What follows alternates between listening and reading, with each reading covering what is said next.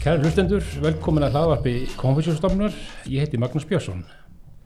Sem fyrir hef ég fengið góðan gest, eh, en að þessu sinni er sestur á móti mér Einar Rúnar Magnússon, eh, sem er viðskiptafræðingur með áherslu á viðskipti í Kína og Asíu. Verður velkomin Einar Rúnar. Takk fyrir, takk fyrir að bjóða mér. Og það er bara virkilega gaman að fá þig og hérna, ég getur nú fullirt það svona að þú sést einn af fáu sem hafa nánátt í 20 óra reynslu í Kína.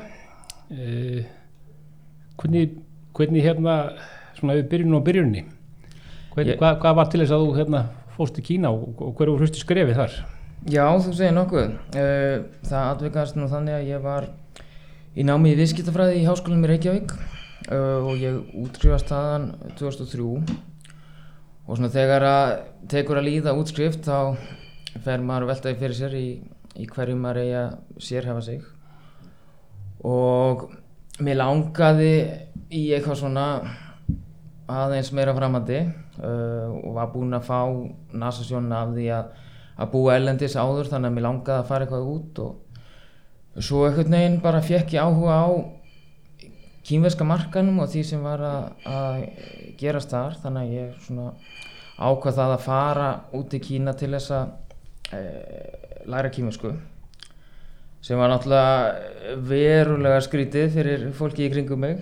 Sérst, þá sérstaklega kannski bekkifælega mína í háskólanum. Já, Ég, þetta var náttúrulega á þessu, þessum tíma þetta var, þetta var 2003 og þarna var búið að enga veða bankana og, og uppgangur svona fjármálakerfisins var hafinn þó hann væri kannski ekki búinn að ná hámarki. Þannig að það var svona eðlileg leið margra í viðskiptafræðinni að fara, fara inn í það allt saman en, en hérna en þú verður ákveðið að velja aðra leið, greinlega. Já, ég er svona þetta, það var eitthvað þarna úti, úti í Kína sem að e, sem að kalla á mig og, og náttúrulega viðhorfið til Kína og þessi stökklega viðskipta við Kína hefur náttúrulega breyst rosalega mikið á, á þessum tíma og Já, ég held að ég hef líklega verið fyrsti, eins og fyrsti Íslendingur með eitthvað viðskipta bakgrunn til þess að fara út að læra kínversku.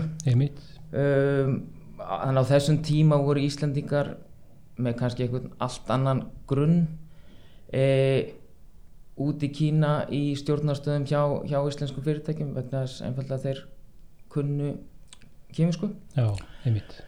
um, Jón Orm Halldórsson var, var að kenna mér í háskólanum þessum tíma og, þá, og var einmitt e, búsettur að hlut til í, í Beijing þá. Þannig að hérna, ég leitaði hans til hans og hann benti mér á að það væri, væri styrkir í bóði e, Kínverska ríki væri að bjóða upp styrki til náms í Kína.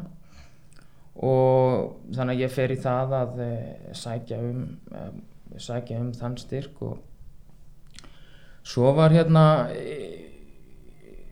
e, bekkjafélagi minn í viðskiptafræðin sem benti mér á það að hann hefði séð auglýsingu á að, á að ég vil ekki segja ríkistjórn en yfirvöld í Tævan Já. væri, væri að eh, bjóða upp á styrk fyrir einn Íslending á ári til þess að, til þess að fara þangað út að læra kýminsku já, já. og það sem ég hafði undirbúið all gögg fyrir kínastyrkin Já, þá ákvað ég henda inn umsók þangað líka án þess að ég hefði eh, svo sem mikið vita á eh, mikla þekkingu á Tævan eða, eða, eða hvað verið gangið þar sko. já. Uh, en svo æxlaðist það þannig að ég fekk uh, fekk styrkinn til náms í Tævan en ekki, ekki til meginlandsins Já, já, já. þannig að ég ákvað í rauninni bara að elda peningana og fara, fara þangað í, í eitt ár að Þannig að þetta hefur ekki verið svona nýtt sérstaklega skipulagt þannig Nei, hjá, hjá, með, með náttúrulega Tævani, það var kannski bara að komast þarna í þetta í, hérna austuröttir aðalega Já, já, það var náttúrulega hugsunni var alltaf Kína, meginland Kína. Já, já, en, hérna, en uh, þannig að uh, þarna um haustið 2003 fer ég út til Kína á samt uh, minni þáverandi. Já, og við förum bæði í, í nám í kímisku uh, við förum til Taichung sem er uh, lítil borg hann á, uh, á vestuströnd Tævan Já. uh, svona miljónmanna borg já bara mjög hérna lítil og skemmtileg borg. Um, mjög gott veðufar þarna þú veist, það er svona þurrt og þurrt og hlýtt meira minna allt árið. Og þannig förum við í, í Donghai háskóla. Já, sem er svona upp á, upp á hæði í útjarði jæðri borgarinnar. Það var hérna flottu campus þetta tölur það snákum þar. Já, já, og hérna kennarinn okkar sagði sá hvað það setna það aðvikaðist þannig að alltaf þegar að e, Tævan var undir yfirráðum Japana þá var Japaninni með e, rannsóknarstöð þarna á hæðinni og, og, og var að rannsaka snáka eitur til, til nota í, í hernaði Já, og, og þess aftur en síðan þegar að þegar að stríðinu líkur og, og hérna og Japan þarf að skila Tævan þá bara opnuðu þeir rannsóknarstofun og hlettu sentu snákunum út. Já, ok, já.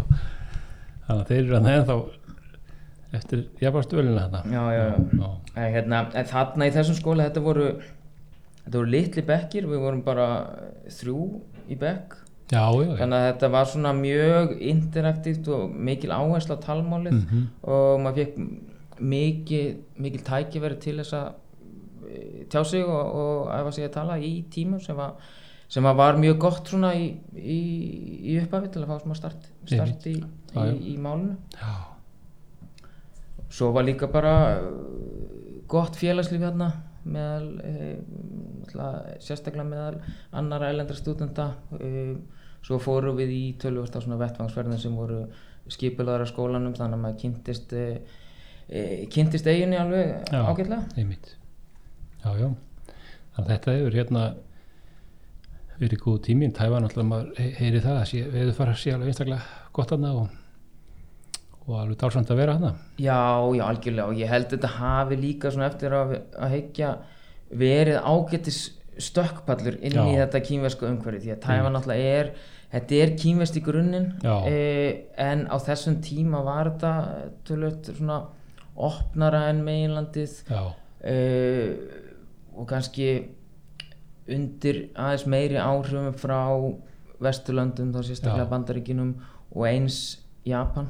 Já, einmitt en auðvitað var það náttúrulega erfitt til að byrja með maður mað kemur þarna eh, talandi ekki e, stakt orð í kýmversku e, það var engin ennsku kunnátta þarna á, á götunum þannig að maður var bæði sko mállaus og ólæs því að allt var e, öll skilti all, hérna, allar upplýsingar voru á kýmversku þannig að bara svona basic hlutir eins og að fara, fara út að borða var bara stór málandu fyrstu Já. dagina sko, það, e, í fyrsta lagi var erfitt að finna átt að sjá því hvar veitingastæðinu væru og ef maður fann veitingastað e, þá gæti maður ekkert lesið matseðilun og, og tjá sig hvað maður vildi panta Nei, þannig, það þannig að við svona við lifðum ansi mikið á mat frá 7-Eleven og McDonalds Já, svona já. fyrstu vikuna meðan við vorum að, við vorum að hérna, ná áttum hana já, ég hef ekki bara bent á eitthvað á matselinum og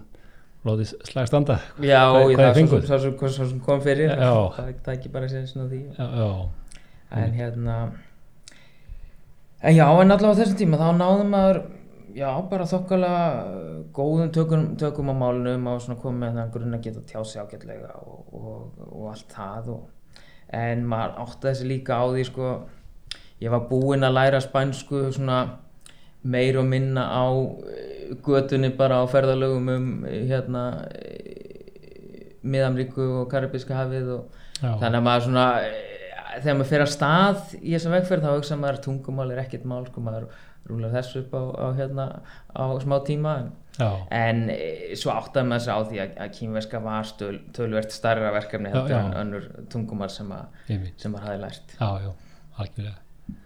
En hérna, þú dvelur hérna eitt, ár, eða þið í, á Tævan og en síðan hérna færið ykkur yfir, yfir hafið, farið hérna yfir á meilandið. Já, þegar, hérna, þegar þessu ári var lokið, eh, eins og sagði, það var alltaf svona, e, það var alltaf stefnan tekin á, á, hérna, á meilandið Já, og flestir sem að fara út í kýminskunámi eru að horfa á Beijing Já. og vissulega var það eitthvað sem var hugleiti alvarlega. Mm en eh, ég ákvaða að fara til Guangzhou uh, kannski tveimur megin ástæðum.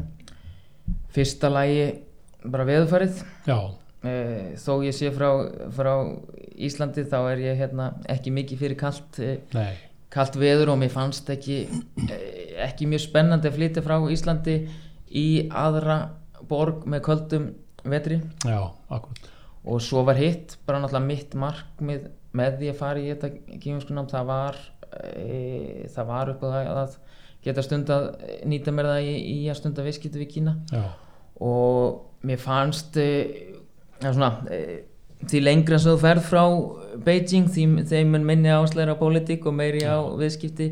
Shanghai er náttúrulega hérna millir svona svolítil fjármálamiðstöð. Akkurat. Um, en Guangzhou er hérna mitt inn í þessari svona Pearl River, River Delta sem er gríðarlega mikið e, framlegslusvæði mikið af svona e, alltíða viðskiptunum fer þarna í gegn.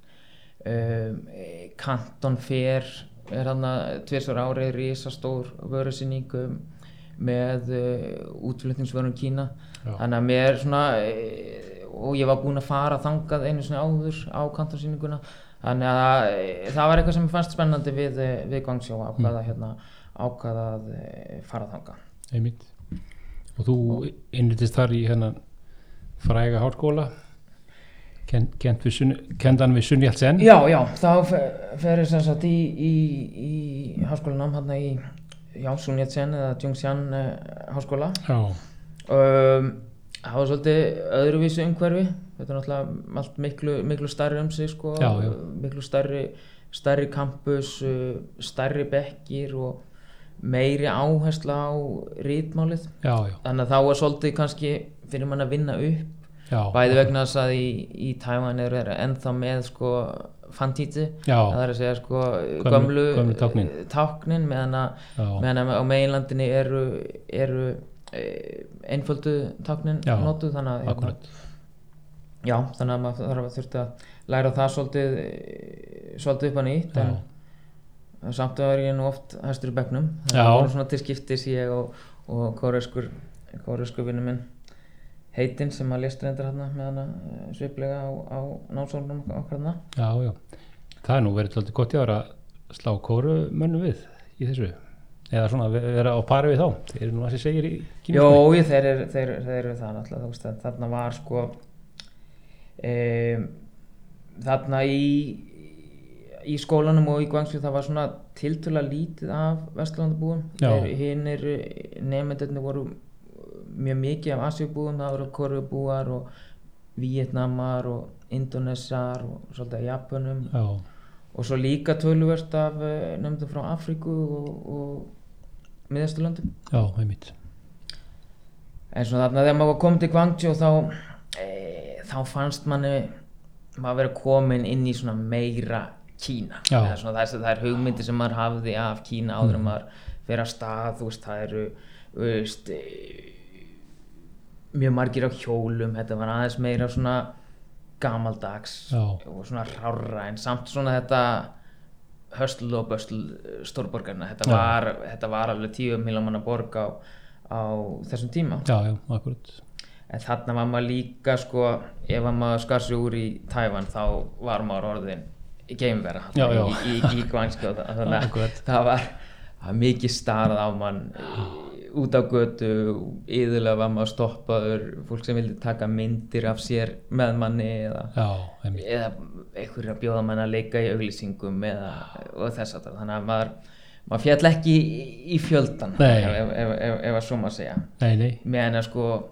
til dæmis í Beijing í, sérstaklega í dag það er svona það næst því sem að maður kemst í að vera venjulegur Já, í Kína innan gæslapp það þú, þú kemur eins og í, í Taiwan og Guangzhou og meira þess að oft í Shanghai veist, ef þú kemur inn í búð þá fyrst fara allir í kerfi að þeir halda þeir kun- geta ekki talað við þig. Já, svo byrja maður að tjá sig á kínversku þá er næsta, ó, þú talar svo góða næ, næst, þannig að svona já, e, fyrstu tvær mínútnar fara alltaf í eitthvað, eitthvað sko. Svo já. er hægt að fara að Já. e, tjá sig um það hvað, maður er endið meðan að í Beijing maður kemur bara inn í inn í búð og maður tjá sig á kínversku og það, það er engin hissa, það Nei. er svo mikið af ellendum nefndum sem eru þar og þetta er bara eins og þú ferð e, til New York og þú talar ennsku þó, að þó að sjáist áður að þú sitt útlendingur þá er engin hissa á því að þú talar ennsku því það er enna máli sem er talað á, á göttunum hann einmitt. Þetta er auðvitað alltaf sérstakur heimur áttu niður frá. Já, já, já, en hérna, en þú ert þannig í tvö ára eða eitthvað já, ég er hérna í, ert þá vantilega orðin bara hansi hansi sleipur í kínuskunni ekki eftir, eftir hennar tíma Jú, jú, þarna eftir eh, það, sko e, kannski samhliða náminu þarna þá stegið svona svolítið mín fyrst skref í viðskiptum við Kína Já. með frá náminu þá fór ég að taka mig verkefni í útflutningi frá Kína svona e, sourcing svo kallað þar sem ég var milliliður í því að e, leita að vörum fyrir erlend fyrirtæki sem vildu flytja inn frá Kína og Já. sjáum svona allt utanum hald e, á staðanum já, já, var það þá bara hvað sem er í heiminum eða Já, náttúrulega ísla- byrjaði íslensku kannski á, á íslensku fyrirtækjum e, var með sambandinni í stórmarkað hérna og, og í byggingar geiran já, og svo bara fer maður að mæta vörusýningar og, og, og, kantum fer og fleira og bara tala við fólk sem að sér á básunum og, og eh, meðal annars þar kynntist ég mannum frá Dóminíska líðveldinu Já, sem ég gat, tengdi svolítið vel við því ég hafði verið þar áður og talaði, talaði spænskuna já, og það, já, svo þróast hann þannig að þeir eru svona mínir stærstu kunnar já. var ég að flytja uh, húsgögn og töskur og, og fleira sko. Mm en uh, svo kom það svolítið að þeim tímapunkt að mér fannst að hérna uh, mér fannst ekki, ver, ekki verið að fá mikið út úr náminu lengur fyrir það sem að uh, það sem að ég vildi fá út úr því að ég kom, kom alltaf inn með sko eh, mjög skýrt markmið. Veist, ég var að fara ég, ég vildi praktist nám sem myndi nýtast mér í, í samskiptum og viðskiptum. Já, ég viss alveg að ég var ekki að fara að þýðan innar fordbókmentir nei, nei, akkurat. Og það var svolítið sko það var eh, orðið meir og meir í hluti á náminu sem að ég sá að var ekki droslega praktist í, í nútímanum. Þannig að endanum sko hætti ég í skólanum ég taka átt heita og, og, og einbetti mér að því hérna e, einbetti mér að vinnunni. En svo náttúrulega heldur maður að bæta vissi orðaforða í daglega lífinu og, og störfum og, já, já, og til, til dæmis ég held að núna sé ég með sterkari orðaforða kýmverskan orðaforða í bæði hvað varðar stóðtæki og, og orkumál jarðhita heldur en ég hafði á íslensku þegar ég fer að staði í, í þetta ferðalag sko. akkurat. Það er aðtíkluvert þannig að þú lætur bara gott, gott heita hérna eftir þessi já, tvö ár og, og ferða hérna ferða út á atvinnumarkaðin svona meira heldur en kannski hefði verið hérna er, það er þá össur sem að þú verður fyrir valinu eða hvað? Sem að þú hérna ræðið til. Já, það passar. Ég var sem sagt, uh, meðan ég var í náminu þá var ég búinn að láta eins vita að mér svona í þessum uh, helst, þessum fáu alþjóðlegu fyrirtækjum sem voru starfandi á, á Íslandi og, og meðal annars í Össuri sem að mér fannst að mörguleiti mjög spennandi félag.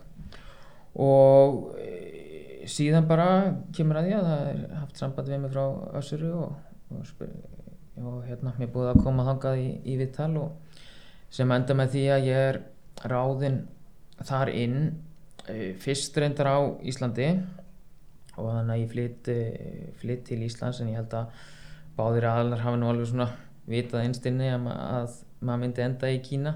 Já, þannig að eh, um það leiti sem að, sem að ég byrja í Össuri þá eru komnar upp hugmyndi með að stopna útibú í Kína uh, og það verður af því þannig að, þannig að eftir nokkra mánuð er ég fluttur aftur út til Kína þá á vegum, vegum Össurar. Ég var fyrst, uh, fyrst í Beijing í, í nokkra mánuð meðan að uh, að koma, klára ákveðan hluti með, með dreifiðala sem, að, sem að við vorum með þar og svo, svo flytt ég í, til Shanghai og starfa þaðan af, eh, af skrifstofun okkar sem við settum í Shanghai. Já.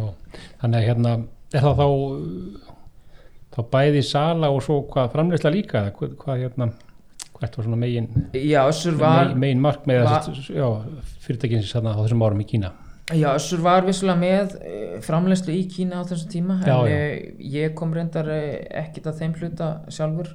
Mitt hlutverk var var að, aðalega svona það sem þess að snýri að sölu og, og markarsmálum þannig ég byrja á, á því að vera ábyrgu fyrir, uh, fyrir Kína. Svo en það hlutverk þróa síðan mjög fljótt yfir þegar ég tek við starfi sölustjóra fyrir uh, svona þetta Asia Pacific svæði. Já. það er að segja Austur-Asia eða Asia alveg frá, frá Indlandi í, í vestri og austur til, til Kóru og Japans. Í austri og alveg niður til sko Suðaustur-Asíu og Ástralíu og, og Nýja Sjálfans já, já, já. Það er nú verið þessi hérna áhugavert já, já, já, já, mm. vissulega þetta var, þetta var mjög skemmtilegur og áhugaverið tími. Hún náttúrulega aðlæðast alveg heilmikla reynslu þarna við það að, að byggja upp uh, sölunett um alla, alla álfuna. Já, akkurat. Og svo líka náttúrulega fann maður sér oft í því hlutverki að vera svona brú milli þessara tveggja menningar já, já, algjörlega. Var, þó, þó að hafi verið skýrru enskumælandi hérna, fólk á skrifstofunni það var náttúrulega skýrru voru nok nokkru Íslandingar hérna og, og, og svo tölvjósta kýmirum en það er eitt að, eitt að kunna tungumáli og svo er annað að bara skilja hvert annað já, já, menningarlega. Þannig að, þannig að maður, maður upplýði svo oft vera þarna á, á, á milli með, með, e, með annan fótinn í báðum, báðum heimum. Akkurat.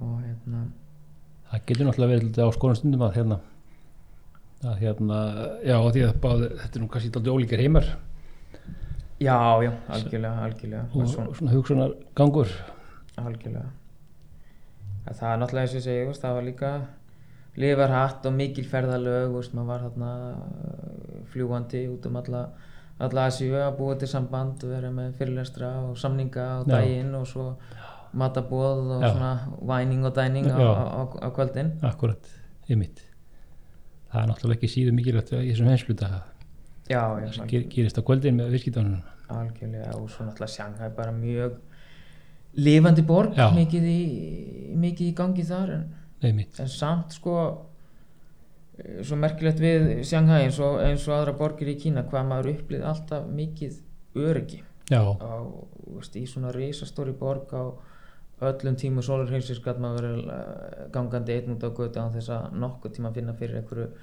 einhverju óöryggi. Já, ymmit og ymmit skiptir heldur ekki máli hva, hvað er í borginni, það er engin hverfi svona sem eru. Á þessum hann, þetta er náttúrulega alveg ótrúlegt í svona stóri borg. Já, já. En hérna, að þú, já, þannig að það höfust þarna hafa þá verið í seng og það hefur verið eitthvað á Íslandingum þarna, sérst, fyrir þetta þig líka eða hvað? Já, já, náttúrulega innan, innan Össura vorum við, vorum við nokkur allir ekki verið svona e, fimm Íslendingar í að heila en svo í, í, í allir sjanga við vorum alveg 20-30 Íslendingar það, voru, það var alveg virt Íslendingafélag þarna sem, að, sem að heitist í, í hverju mánuði og, og allt það Já, já, já. Þannig að þetta er, hefur verið þarna ýmsir og náttúrulega menn þarna í margskonar tilgangi auðvitað. Já, já, vissulega og svo náttúrulega þessi breytingarnar á borginni bara á, á stuttum tíma voru náttúrulega alveg Já, magnaða sko, ég náttúrulega þessi tími sem ég bjóð í Sjanghai voru árin fyrir Expo 2010 já, akkurat.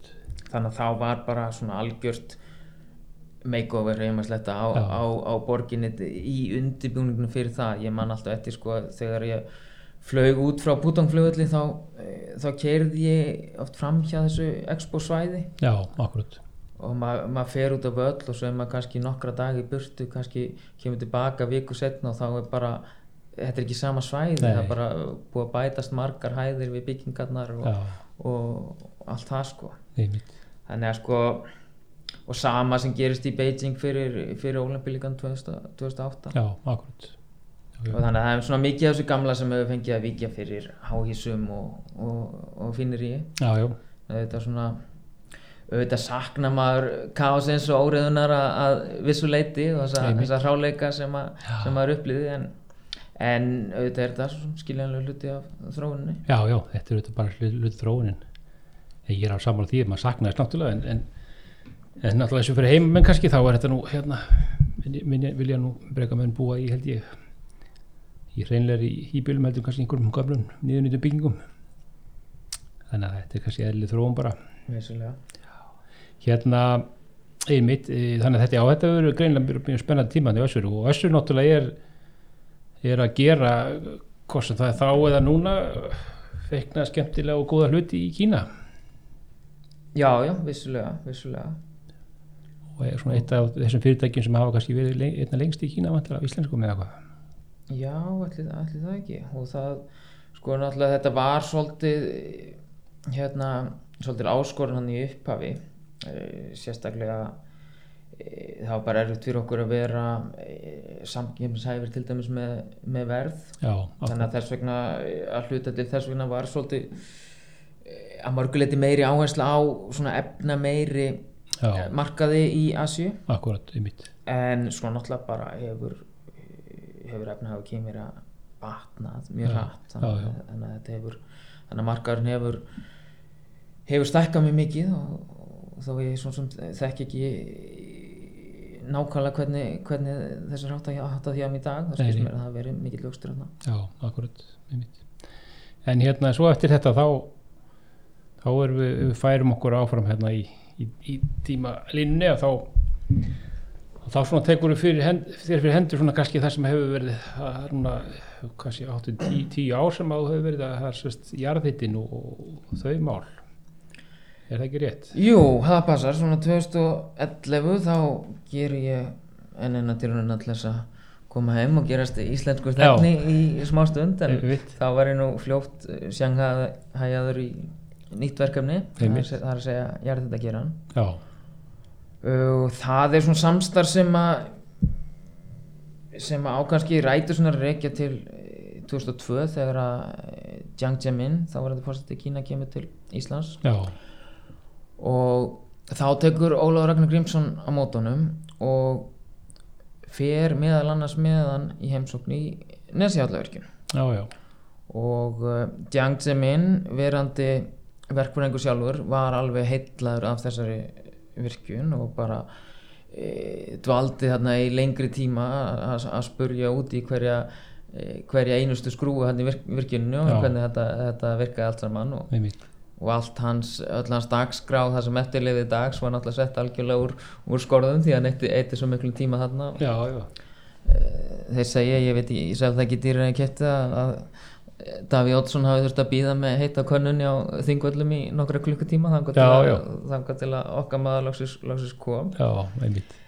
En allavega þegar svo fer Jiang Zemin aftur til Kína og þá segir hann við sitt fólk að, hérna, að Kína verði að eh, byggja upp nýtingu á jarðaðilundunum mm og til þess að ná árangri í því verður verið að fara í samstarfi Íslendinga. Já, já, og þannig hefjast svona viðræður í upphafi á svona milli milli ríkjana tveggja. Um, en svo náttúrulega er Íslenska ríkið ekki að fara út í neitt að taka þá, beinan þátt í, í rekstri á svona verkefnum. Þannig að það er, það er enga fyrirtæki sem að sem að fara að draga vagnin í, því sem að sem enda með því að það er sérst, íslenskt kínverst uh, joint venture eða samstagsfyrirtæki uh, stopnað 2006 um, og fyrstu verkefnin þar eru í, í uh, Shenyang skamt frá síjan já, og þá uh, koma Íslendingarnir inn með, eh, með tæknina og kínverðin náttúrulega með sín lokal samband og þekkingu og, og hérna og uh, gögnum kínversku jarfræðina og, og svo fjárfesta báða hliðarnar uh, saman. Þetta Já. var í tæplega helmings eigu, eigu Íslandingarna og, og, og rúmlega helmings eigu kínverðina já, og síðan þá hefur þetta bara eh, haldið áfram að vaksa og, og, og dafna. Um, náttúrulega íslenski hluturinn hef, hefur skipt svolítið um hendur. Um, e, þetta var fyrir hrun var þetta í eigu Geysi Green Energy.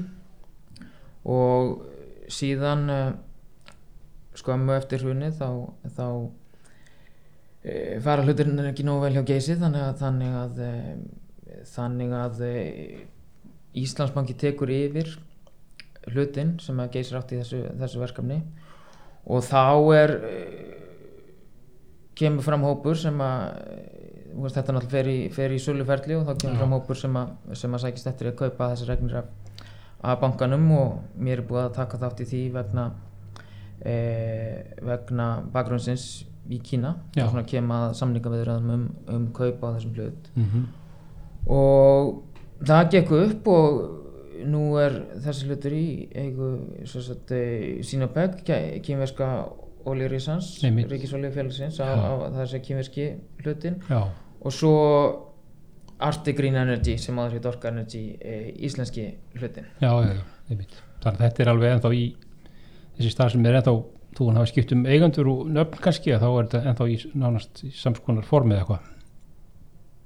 Já, já, já, Já. bara náttúrulega búið að vera, búið að vera gríðalegur vöxtur og þetta er búið að vera í sa- samfelldri eigu e, sömu aðila síðan hérna, síðan hérna 2011 Já, það já. er þetta sem flækir þetta aðeins, það voru fleiri verkefni í pakkanum, það er að segja eh, verkefni á já, og nafnið Orka Energy fylgdi því verkefni þegar því var skipt upp þannig að, þannig Mm. að þess vegna er þetta undir, undir hatti Arctic Green Energy já í dag um, en þar með var ég svona komin aftur með annan fótið til Kína já, þú er hérna stoppast upp við þá í Íslandi þú já, já, ég, verið komin hlutlega átt í Kína já, já. mm. Þannig að til að byrja með náttúrulega sínirist þetta svolítið mikið um það bara að endur byggja viðskiptasambandið og, og traust. Já, náttúrulega þessi tími meðan að e, meðan að þessi eign var í eigu bankans þá, þá var þetta náttúrulega í svolítinu fjársveldi það, það þótt ekki það var ekki mjög inn eftir hrun að vera, vera að sinna einhverjum erlendum eignum Nei. og sérstaklega ekki af, af fjármálanstofnun sem var í, í ríkiseigu. Nei, já, þannig að e, þannig að hérna e, já þannig að það var svolítið trösti var svolítið skattað á, á, á þeim því tímabilið þannig að það þurfti svolítið að, að hérna vinni því að sína að okkur var, var full alvara og, og hérna og byggja upp persónulega sam, samböndin að, að nýju. Um, jú, með þetta hérna þurftum að gafa svolítið vel onni í businessin en líka að rækta bara þessi, þessi persónulegu sambönd. Já, og síðan bara já, svona viðskipta þróun og, og stiðja frekari uppbyggingu á þessum verkefnum. Já, og svona annar stór punktur í þessum verkefnum var þegar að e, Venture Bá kom til Íslands árið 2012 já, einmitt hann er uh, jarfræðingur ekki eða hvað Jú, það passar. Og, og samtlíða því kom til landsins uh, Fu Tianyu sem var uh, þá verðandi stjórnaformaður já, og þá var undirreitaður aftur mjög stór rammasamningur um frekari uppbyggingu í Kína Já, sem að síðan hefur verið, verið að fylgja eftir síðan. Mm og er hérna það er já, þannig, að verkefnin hafa sest, þeim stöðum þar sem að fyrirtæki er að vinna hefur fjölgað aldrei og, og kannski sérstaklega er spennandi verkefni þarna í að byggja upp alveg nýja borg frá, frá grunni, er það ekki? Jú, jú, Og, það, ja, og, ja, og alltaf heita veitu innviðið þar? Það passar, það passar. Það sagt, ég sagt starfaði hérna hjá hjá þessu félagi með hliði e, þar til að síðast ári. Og, og e, á þessum tíma ég held að þegar ég e, e, kem fyrst að þessu þá voru e, þá voru, ef mann rétt svona um, um fjóra miljónir fermetra af e, húsnaði í hitun. Já, og, þá, Og- og þá hérna á síðan svæðinu eða- eða Já, það, það, það, það byrjaði þar 2006 og voru reynd 2009 var, var hérna farið út í verkefni hérna í Sjungsján í Höpe hér já, og síðan þá hefur þetta, hefur þetta breiðst út til fleiri og fleiri borgar sko. já, einmitt. Og, og hérna og ég held í dag eh, séu kannski eh, 50-60 miljónir fermetra í, í er sem, sem, sem þýðir að þetta er orðið stærsta hitaveituverkefni heims Já. þar sem er, sem er hita með akkurat. Og væntanlega lang stærsta framlag Íslands til umhverfismála. Já, já, akkurat. Og það er svona, það er svona algengum miskilingu þegar þeir talað um þessu verkefni að, að uh, fólk telur að Íslandingar séu bara að selja ráðgjöf inn í þetta. Já, en það er alls ekki, þetta er eins og segi í, í tæplega verkefnin sjálf það er séð að bara hýta veiturnar eru í tæplega helmingsegu íslensk félag sem að síðan og tekjurnar sem, sem, sem koma þar inn eru bara notkunnar gjöld eða séð hýta veitu rekningar notenda. Já, já, já.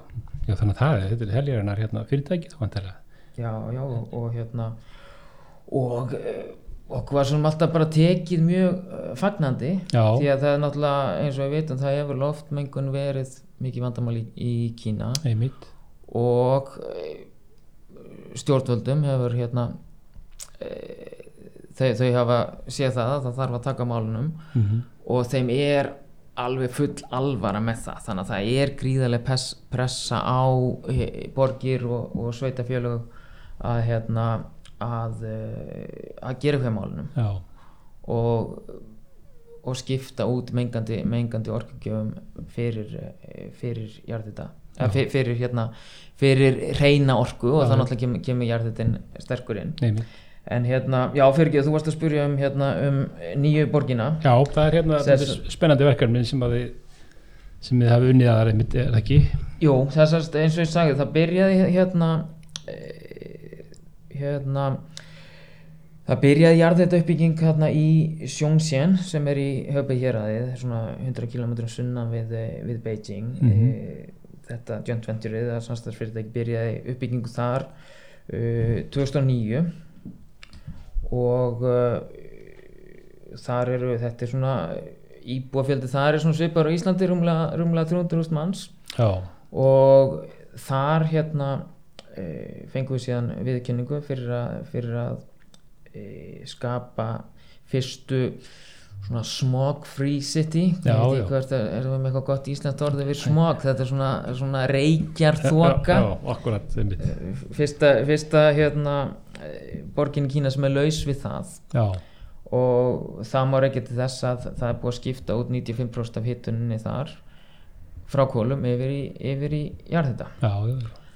En síðan hérna 2017 þá tilkynir eh, tilkynna kýmirsku yfirvöld það að það standi til að byggja nýja borg á þessu svæði. Já, rauninni frá grunni sem mun heita Sjóngan og, það, og Sjóngan samastendur af í rauninni þremur síslum með bæjarfélum, það er Sjóngsján, Rongchang og Ansin mhm, og sem sagt, fyrsti fasi á þessu verkefni á að vera, á að vera 100 ferkilometrar og það er kannski eru kannski 70 miljónir fermetra sem þarf að hita upp á, Mhm. á húsnæði.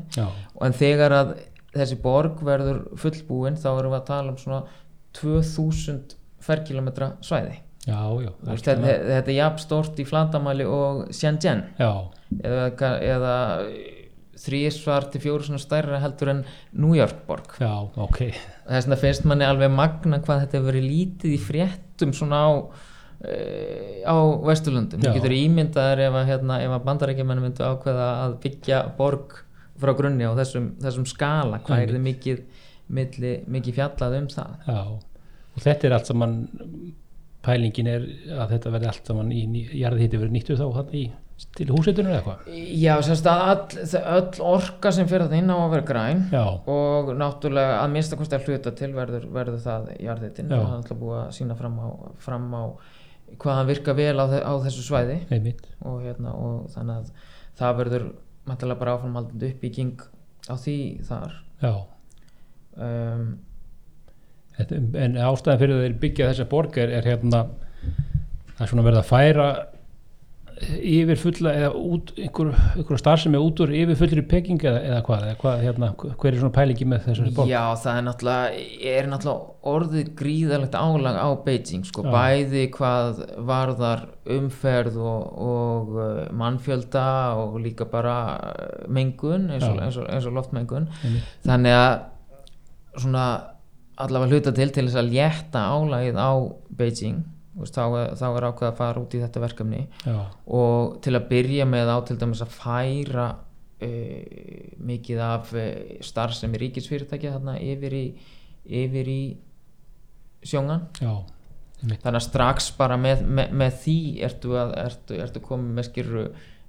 miljóna akkurat. Og, uh, og svo á þetta að verða já, mesta hátækni borg í heimi bara, þarna Já. verða tæknir rísatnir með, með presens Baidu og Tencent og Alibaba og, og allt það sko. Já, einmitt. Um, og þess að segja öll orka sem á að sem, sem verður nýtt þarna á að, á, á að vera græn. Og það er náttúrulega líka mikilvægt að hérna eins og frá sjónaröfni Jarðitans að, að vera með í ferlinu alveg frá gunni já, af því að af því að náttúrulega þannig verið að hanna alla, það er bara masterplan fyrir alla borgina frá grunni.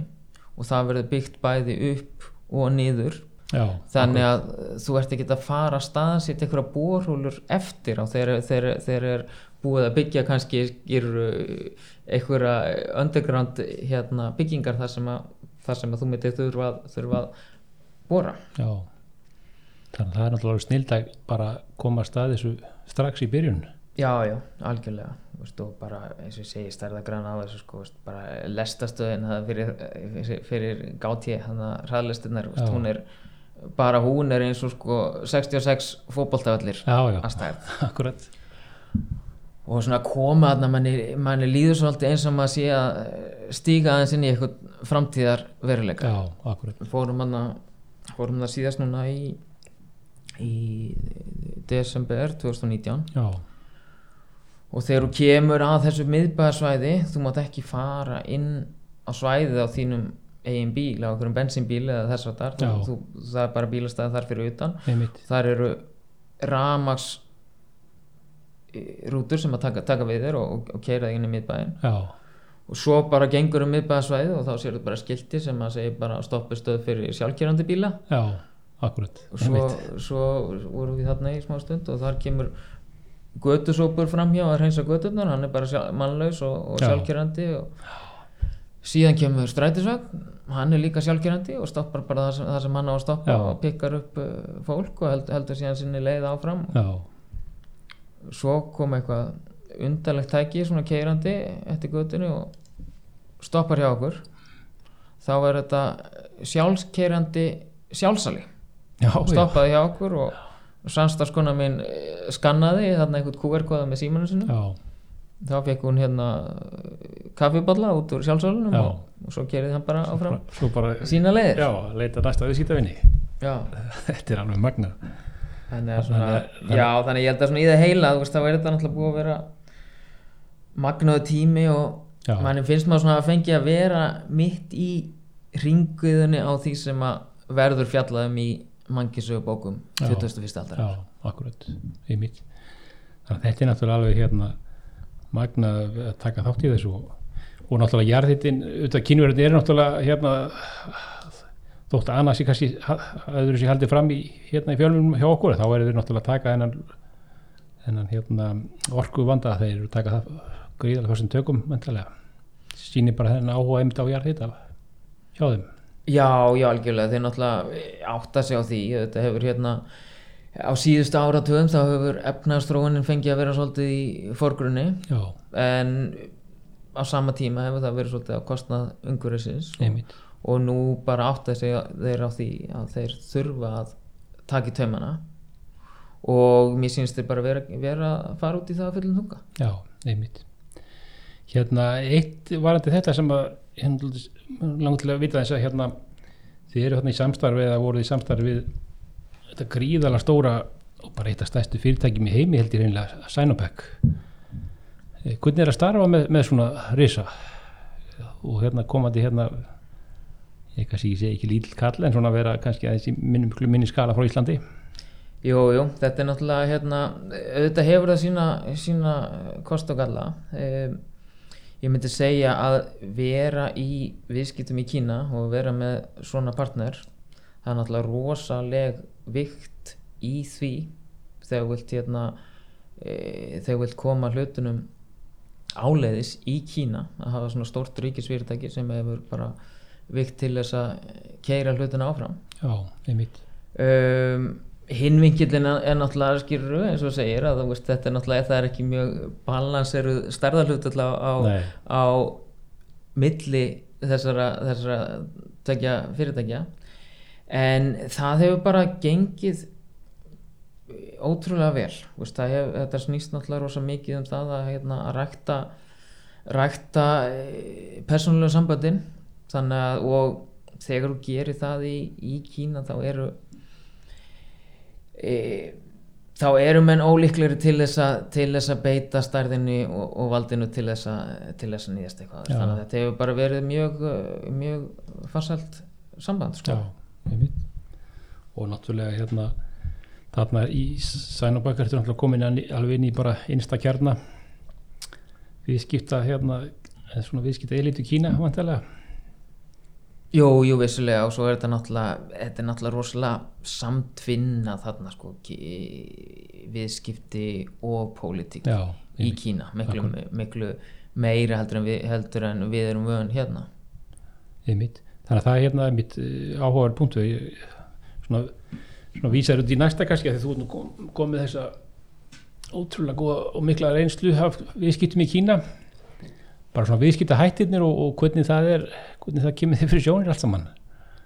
Eh, er hérna, þetta er náttúrulega gjör ólíkt hérna því sem við erum að venjast vantanlega en, en þeir eru samt uh, það er svona, það er samt örgulega einhver líkindi samt við, við okkur eða hvað? Já, ég er náttúrulega ég, er náttúrulega fæ þessa spurningu alveg rosalega Já, hvort að hérna hvort að, það ekki. hvort að kýmver þegar sé ekki óheðalegir eða hvort þeir sé ekki miklu svindlarar og, og, og allt það sko. Já, og ég held að mjög oft sé bara um að ræða skort á skilningi skort á undirbúningi fólk e, fólk hefur ólíkar hugmyndir veist, og, og oft á tíðum e, vinnur fólk ekki sína heimavinnu.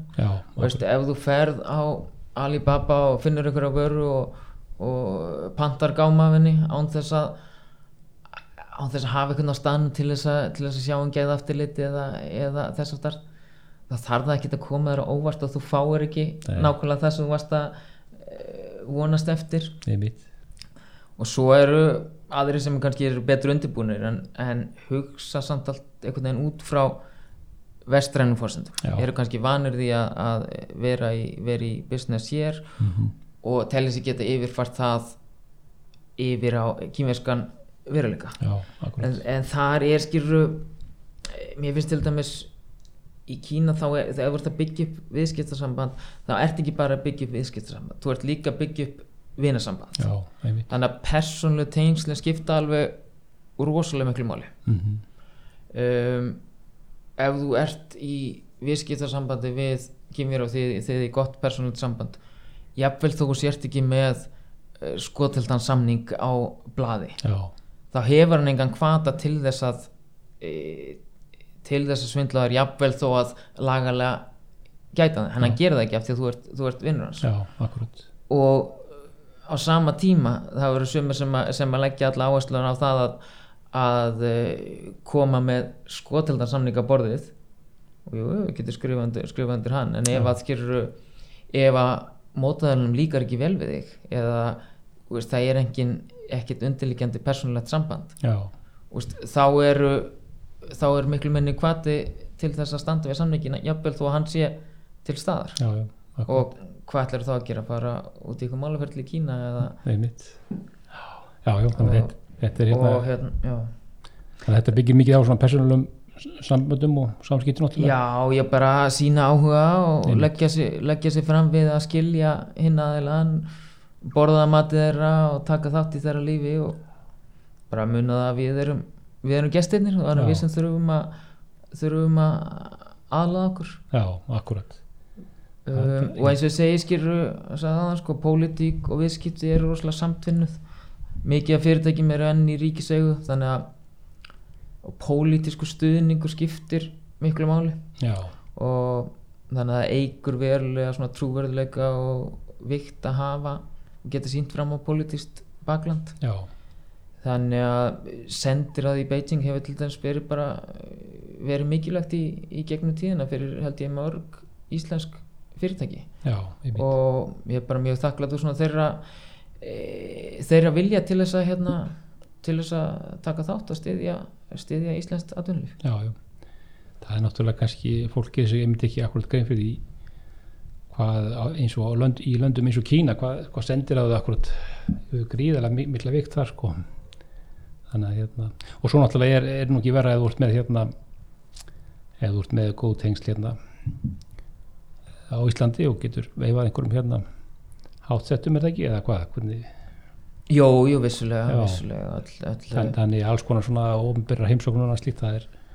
að hjálpa mikið til vantilega Já, já, vissulega það er náttúrulega alltaf hérna, alltaf, uh, alltaf gott þegar einhverjir hátsettir úr stjórnkjörnum eru, eru tilbúinu til þess að til þess að fara til Kína og, og sína sig og sjá aðra. Já, einmitt. Þannig að þetta er svona, já, já, þetta er svona öðru sem er, samt er nú hérna mér hefur nú alltaf, alltaf verið mér hefur alltaf fundist vera ákveðin líkindi samt já, já, á vissum hérna, sviðum á milli okkar. Hvað segir um það? Ég, ég held að við séum mér finnst eins og bara sko, kínverðin og mjög lausna með þar yfirleitt í hugsun, finnst mér. Og hérna, við erum það líka hættið aldrei Já, já, já, já, þú veist, það er svona með þennan með þennan veist, þetta er auðvitað alltaf erfitt að alhæfa, þú veist, það Já, er Kína er náttúrulega svo stórt, þannig að það er bæði, bæði mikil munur innan Kína akkurat. og líka bara milli, milli kynsla Já, akkurat, einmitt. En svona maður á að benda á eitthvað svona úr manns eigin reynslu og kannski e, stundur aukum maður að sjá það að kýmjörarnir eru ekki eins svona direkt svona, svona e, beinskittir í hvern, hvernig er hvernig er talað veist, segja til dæmis helst ekki nei eða eitthvað sem ekki hægt. Já, það er svona búfangbjörn þetta hendar ekki nei, mjög nei, vel og, e, hérna en e, já, svo er þeir líka samt sko oft beinskittari á öðrum sviðum eins og til dæmis ég veit ekki hvað oft ég fengi spurninguna hvað ertu með í laun? Já, akkurat. Það, til dæmis á Íslandi væri, er það aðeins svona hálfgert tabu Já, að, að, spurja manneski sem þekkir ekki mikið sko, að spurja að beinta, beinta því. og, og svo það maður stundur svona svolítið að lesa á milli línana veist, oft eru menn að gefa einhver skín án þess að segja það beint. Já, akkurat og hérna, þá, þá er spurningum að fatta það. Já, já. Og svo oft vilja mig líka svona forðast eh, forðast konflikta Já. forðast, forðast að feysa þig með einhverju, einhverju óþægilegu Já, svona, eh, svona að gefa, gefa face Já, og, hérna, og líka stundur svona forðast, forðast ábyrð þú veist ég um, lendi heim stundum í því sko, sérstaklega þegar ég var hjá, hjá Össuri á skriftunum þar að það kom kannski einhver til mín og spurði mig hvernig ég sé best að fara að einhverju ákveðnu verkefni og, og ég kem einhverja tillögu og þá sé viðkomandi já en við getum líka alveg gert þetta svona. Já, ég bara, herðu já, gerum þetta bara svona. Já, Já, þú ert semst að segja mér að ég að gera þetta svona. Þá er byrjuð búin að færa ábyrðina yfir á mig. Þannig að ef, ef, ef að eitthvað kemur upp þá er alltaf hægt að benda á, já, já. benda á, á, á mig sem þann, þann ábyrga sko.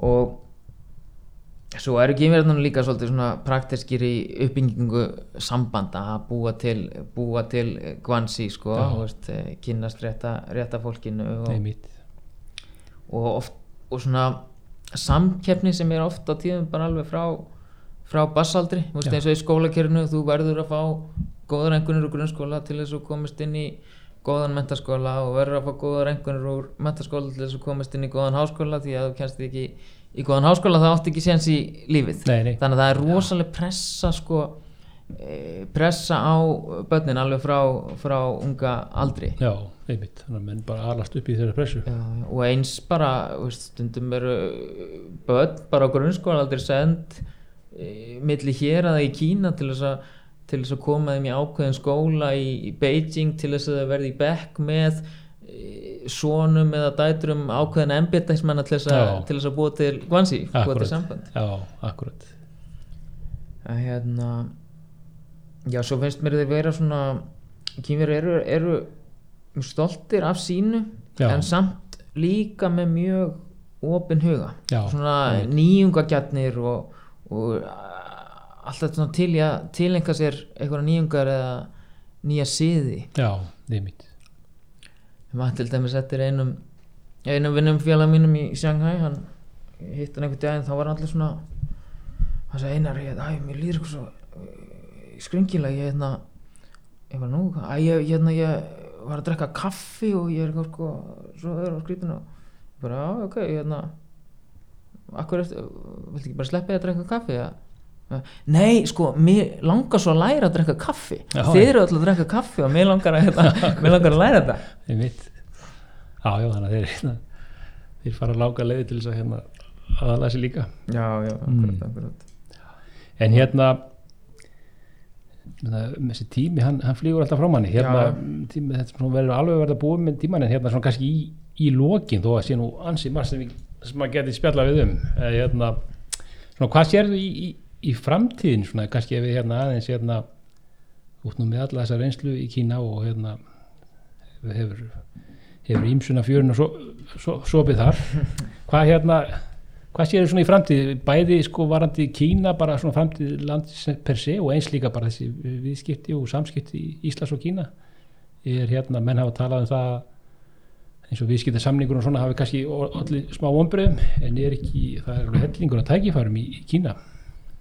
Já, já, þú sér það til dæmis bara á því að, að áður fóru kýmverjar mikið til í, í nám erlendis og voru ekkert endilega með það markmið að koma tilbaka heldur að, heldur að byggja sér upp nýtt líf í nýju landi. Já, en núna er orðið miklu algengar að kýmverjarnir fari út menti sig ná sér kannski smá reynslu til þess að koma tilbaka og, og byggja upp uh, lífið sitt þar. Já, og ég hef náttúrulega svolítið eh, fyllt þessari Kína-bylgju frá því, frá því ég fór þarna út fyrst og, og það var náttúrulega mjög margt breyst á þenn tíma og Mhm. þegar að e, þegar ég fór út fyrst þá snýrst þetta svolítið mikið um það láta fram, framlega fyrir sig ódýrt í Kína og selja það svo á markvöldu verði á, á vesturöldum. Já. Það voru svona helstu tækifærin þá og síðan þá hefur náttúrulega bara e, efnahagurinn hefur batnað í Kína launakostnaður hefur hækkað og, og, og allt þetta og svona e, þannig að kostnaðverð á vörum hækkar og, og sama tíma hafa viðskipta samband aukist þannig að það er líka meiri pressa að verði niður á við á, á Vesturlöndum. Já, þannig að hérna e, jú, vissulega er, eru hérna láta fyrirtæki áfram framlega fyrir sig í Kína en það er líka bara út af þessum miklu innviðum sem hafa verið byggður upp í, í Kína bara uh, logistík og, og allt það. Þú getur alveg farið neyri í Suðaustur Asi og fengið ódýra vinnu til að láta framlega eitthvað fyrir þig. Já, en bara allt annað, allur struktúrin í kringu það er, er miklu veikari já, veikari þar. Þannig að það er ennþá mjög margir sem að bara sjá sinna hagsmunni í því að halda fram að láta framlega í Kína. En allavega síðan e, næst fer ég, fer ég yfir til Össurar og þá er svo snýst þetta um að selja til Kína. Þá er svona Já, þessi millistétt farin að stækka svolítið og, að, og, og, og minn almenni borgari farin að hafa aðeins, me, aðeins meiri peninga á milli handana um, svo fer ég yfir jarðhitan og þar erum við í rauninni að fjárfesta í Kína komið kom með erlend fjármagn og, og, og fjárfesta, fjárfesta í Kína um, og ég held svolítið að næsta skrefið sem er komið að stað en þau tækifæri séu e, séu fjárfestingar frá Kína. Já, já, veist, það er náttúrulega það er svo gríðalur auður sem hefur verið að sapnast þar upp á, á undanförnum árum og, og áratugum. Mhm, og það er, það er aukin áhugi þar á því að, að fjárfesta erlendis. Já. þannig ég held að það sé svolítið mikil tækifæri því að í, í sko, stærri verkefnum að, að fá kýmerska partnera með sér í að, í að fjárfesta Já. í, í, slíku um, svo náttúrulega finnst mér mjög áhugavert eins og til dæmis þessi þetta, eh, Kína 2025 eða Made in China 2025 já, verkefni sko og það er bara það er bara skilgreind yðnaðastefna eða svona strategist plan um geira sem að kýmverður ætla, sér að verða leiðandi í Mhm. sem svolítið svona fókuserað á hátækni. Þetta er upplýsingatækni og AI svona gerfigreind og robotar og sjálfkerandi faratæki og græn orka græn faratæki og, og svona orkubúnaður og, og, og fleira. Já, og ég held að enn og aftur sko þeim sé full alvara með þetta. Og það, og, veist, og það svona hlutum er fyllt á eftir. Þetta, þetta er ekki bara eitthvað blaður. Nei, og sérstaklega svona þegar að er svona ákveðin mistýring og mikið af eh, fyrirtækjum eru enn í ríkisegu og svo leiðis þá er e, þegar ákvörðin er tekinu ofan það er einhvern veginn miklu er- auðveldar að fylgja henni á eftir. Og ég meina nú þegar eru eru kýmverjararnir bara mjög stórir og eru að verða leðandi til dæmis í þessari gerfigreind en ég held að það sé svona sé eh, mikið að tækja verðum þarna í þessum, þessum hátækni já, gera. einmitt. Þeir eru svona að færa sér uppdaldið hérna við já, og er ekkert svo sem eins og segir eins og, nefnir hérna mitt meitin tjana 2025 það er náttúrulega gríðalega metnað metnað full markmið þar. Já, til að hérna færa sér upp. Já þannig að þetta er hérna það er ímis tækifæri e, og, en, en Kína hefur breyst náttúrulega gríðalega á þessum tíma sem hún verið. E, svona allra, allra síðasta hérna við erum komin eiginlega fram fyrir tíman en það er nú svo gaman að spjalla við eina já, ég afsaka bladrið hérna, svona bara varandi ég myndi Ísland, þú nefnir hérna myndi fjárfestingar og, og svona þessi en, en hvað ertu bjartsýn varandi hérna bjartsýn varandi svona viðskipta samskipti landana næstunni til, til næstu ára? Já, sko, ég myndist nú á, á fjárfestingarnar áðan. Nei, og ég hef svolítið, sko, ég hef svo, svolítið verið að rækta sambönd við kýmverska fjárfesta. Já, og þetta er náttúrulega svolítið lægði því núna í þessu COVID ástandi þegar engi geta, geta ferðast og þannig. Einmitt. En eitt sem að hérna, ég er ekki með á varðandi, varðandi Ísland að þeir, þeir tala um bara að það sé of mikil pólitísk á þetta hérna já, já, já. Við erum svona bara eins og einhverju þriðamsríki þegar að kemur það pólitíska áhættinni Já, það er svolítið, svolítið komist fannst manna þegar maður fæ, hérna maður fær oft þessar spurningar gag- gagvart Kína sko, en Já. þetta er nákvæmlega, nákvæmlega það sem þeir eru að setja fyrir sig hér náttúrulega bæði e, bæði, þú veist, það eru fordæmi fyrir gjaldirisöftum hérna, það eru hérna óstöðuleiki í sko í stjórn, úst, það er ekki fyrir sjánlegt sko, úst, það skiptum getur verið skipt um stjórn á fjórara fresti það er ekki mikill, ekki langur fyrir sjánleiki í, í skattkerfi og, já, og, og þess að þar um, en jú, jú, þetta er alltaf hérna, þetta er alltaf tækifæri ég meina ef þegar að e, ef að heimurinn fyrir að opnast aðeins aftur þá náttúrulega eru þessi þessi túrist að gera alveg áriðanlega framtíð að gera sko Já, það er rými fyrir, fyrir tölvöld mikið vöxt þar. Já, akkurat. Komur örgulega upp, upp svona þörf hjá kínverum líka eins og kannski flestum þjóðum að að fara eitthvað erlendis.